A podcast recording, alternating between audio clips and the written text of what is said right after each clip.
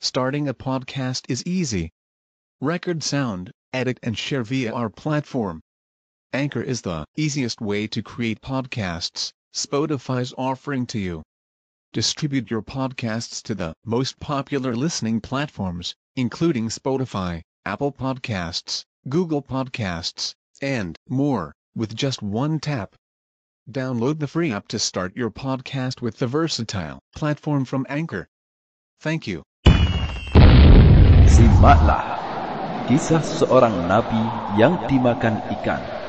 Namun, nabi tersebut selamat dan ikan itu tidak mau mengunyah dan meremukkan tubuhnya.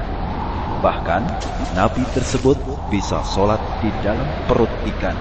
Subhanallah, bagaimana ya kisahnya? Ikuti dalam kisah ke-12 dengan judul Kisah Nabi Yunus alaihi salam dimakan ikan. Anak-anakku sekalian, semoga Allah merahmati kalian semuanya.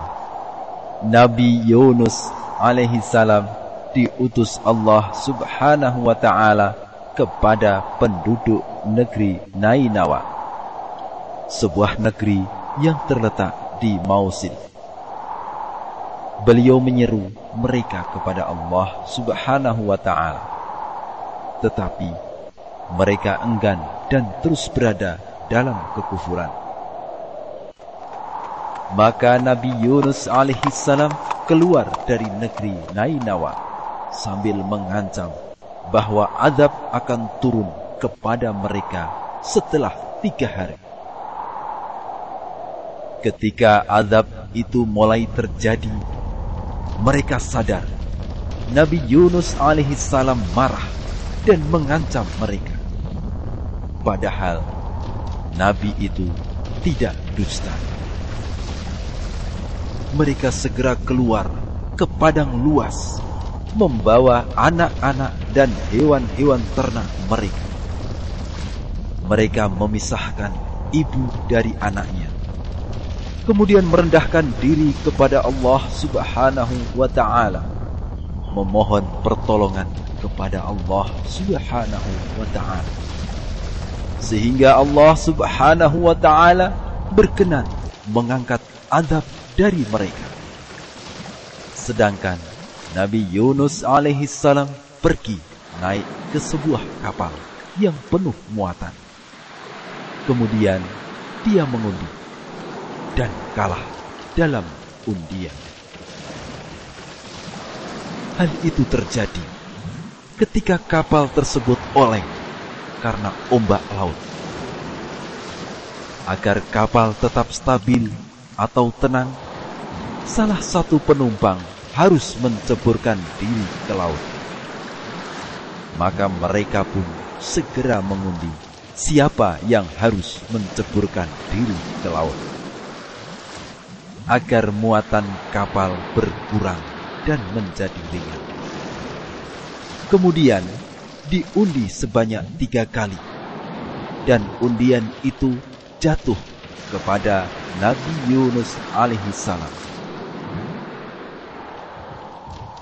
Maka Nabi Yunus alaihi salam segera melepas pakaiannya dan menceburkan diri ke laut. Padahal para penumpang lain tidak tega terhadap beliau. Tiba-tiba Nabi Yunus alaihissalam dimakan ikan yang besar. Namun ikan itu diperintah Allah subhanahu wa ta'ala agar tidak mengunyah daging Nabi Yunus alaihissalam dan tidak meremukkan tulang-tulang beliau. Ikan itu membawa Nabi Yunus alaihissalam mengelilingi seluruh penjuru lautan. Saat berada dalam perut ikan besar itu, Nabi Yunus alaihissalam mengira bahwa dia telah mati. Kemudian Nabi Yunus alaihissalam menggerakkan kepala dan melonjorkan kedua kakinya serta ujung-ujung kakinya. Ternyata dirinya masih hidup. Maka Nabi Yunus alaihi salam segera berdiri, kemudian sholat di dalam perut ikan itu. Beliau berdoa, di antara doa yang beliau panjatkan adalah, Wahai Robku, aku telah menjadikan masjid di tempat yang tidak akan pernah dicapai oleh manusia mana pun. Beliau juga berdoa, tidak ada sesembahan yang hak selain engkau. Maha suci engkau, sesungguhnya aku ini termasuk orang yang zalim. Maka Allah subhanahu wa ta'ala mengabulkan permintaannya dan menyelamatkan beliau dari kesedihannya. Kemudian Allah subhanahu wa ta'ala melemparkan Nabi Yunus alaihissalam ke daerah yang tandus. Saat itu, beliau dalam keadaan sakit dan lemah badannya, seperti bayi yang baru lahir dari perut ibunya. Kemudian Allah subhanahu wa ta'ala menumbuhkan pohon yaktin atau labu sebagai makanan baginya. Setelah itu, Nabi Yunus alaihissalam diutus menuju sebuah kaum yang berjumlah seratus ribu lebih. Mereka semuanya beriman kepada Nabi Yunus alaihissalam.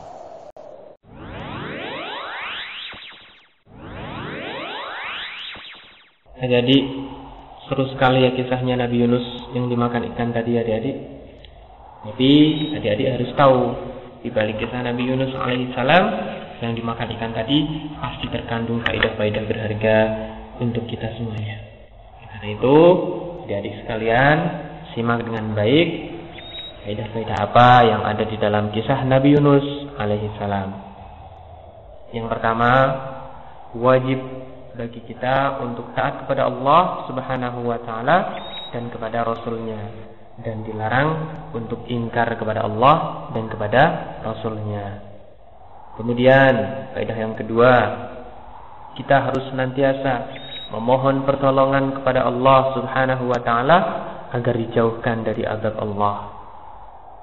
Kemudian, yang ketiga, Allah Subhanahu wa taala itu maha kuasa atas segala sesuatu Allah Subhanahu wa taala itu memiliki kuasa atas segala sesuatu. Kemudian yang keempat wajib bagi kita untuk bertaubat kepada Allah Subhanahu wa taala atas segala dosa-dosa yang telah kita perbuat dan Allah Subhanahu wa taala adalah Maha Pengampun segala dosa.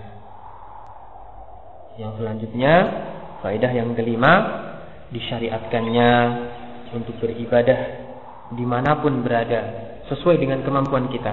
Sebagaimana Nabi Yunus, ketika Nabi Yunus berada di dalam perut ikan, Nabi Yunus melaksanakan sholat di dalam perut ikan. Ini berarti bahwa kita disyariatkan untuk beribadah kepada Allah di mana pun kita berada sesuai dengan kemampuan kita. Kemudian, faedah yang keenam, kita wajib bersyukur kepada Allah Subhanahu wa taala atas segala nikmat yang telah Allah Subhanahu wa taala berikan kepada kita. Karena kenikmatan yang Allah Subhanahu wa taala berikan kepada kita itu tidak terhitung jumlahnya adik-adik. Coba, apa ada di antara adik-adik yang bisa menghitung nikmat Allah yang telah diberikan kepada adik-adik sekalian? Tidak ada. Tidak ada yang bisa menghitung nikmat Allah Subhanahu wa taala yang telah diberikan kepada kita. Oleh karena itu, kita harus bersyukur kepada Allah Subhanahu wa taala atas nikmat-nikmat yang telah Allah limpahkan kepada kita semuanya. Itulah tadi adik-adikku sekalian beberapa faedah yang bisa kakak sampaikan berkenaan dengan kisahnya Nabi Yunus yang dimakan ikan.